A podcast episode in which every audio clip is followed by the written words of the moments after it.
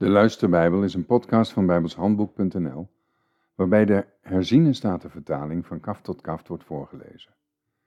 Dit is Deuteronomium 18. De Levitische priesters, de hele stam Levi, mogen geen aandeel of erfbezit hebben samen met Israël. De vuuroffers van de Heere en zijn erfelijk bezit mogen zij eten. Daarom mag hij geen erfelijk bezit hebben te midden van zijn broeders. De Heere, die is zijn erfelijk bezit, zoals hij tot hem gesproken heeft. Van de gaven van het volk, van hen die een offer brengen, het zij een rund of klein vee, is dit het deel waar de priesters recht op hebben. Men moet de schouder, de beide kaken en de maag aan de priesters geven. Ook de eerstelingen van uw koren, uw nieuwe wijn en uw olie, en de eerstelingen van de wol van uw kleinvee, moet u hen geven. Want hem heeft de Heere uw God uit al uw stammen uitgekozen om in de naam van de Heere te staan en te dienen, hij en zijn zonen alle dagen.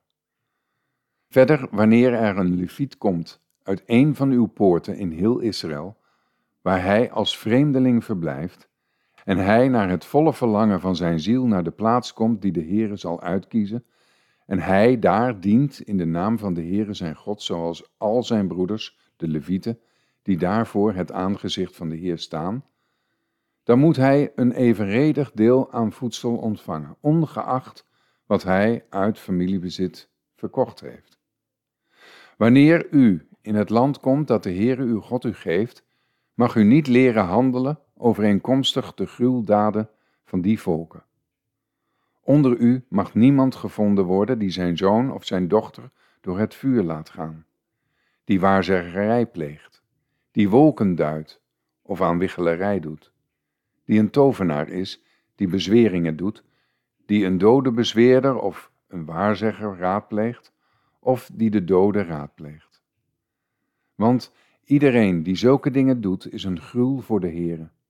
En vanwege deze gruweldaden verdrijft de Heere uw God deze volken van voor uw ogen uit hun bezit. Oprecht moet u zijn tegenover de Heere uw God, want deze volken, die u uit hun bezit verdrijven zult, luisteren naar wolkenduiders en waarzeggers. Maar de Heere uw God heeft u dat niet toegestaan. Een profeet uit uw midden, uit uw broeders, zoals ik, zal de Heere uw God voor u doen opstaan. Naar hem moet u luisteren, overeenkomstig alles wat u van de Heere uw God bij de Horeb gevraagd hebt. Op de dag dat u daar bijeenkwam, toen u zei, ik wil de stem van de Heere mijn God niet langer horen, en dit grote vuur wil ik niet meer zien, anders zal ik sterven.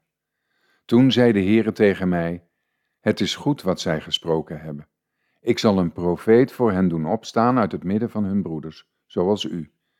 Ik zal mijn woorden in zijn mond leggen, en alles wat ik hem gebied, zal hij tot hen spreken. En met de man die naar mijn woorden luistert, die hij in mijn naam spreekt, zal het zo zijn, ik zal rekenschap van hem eisen.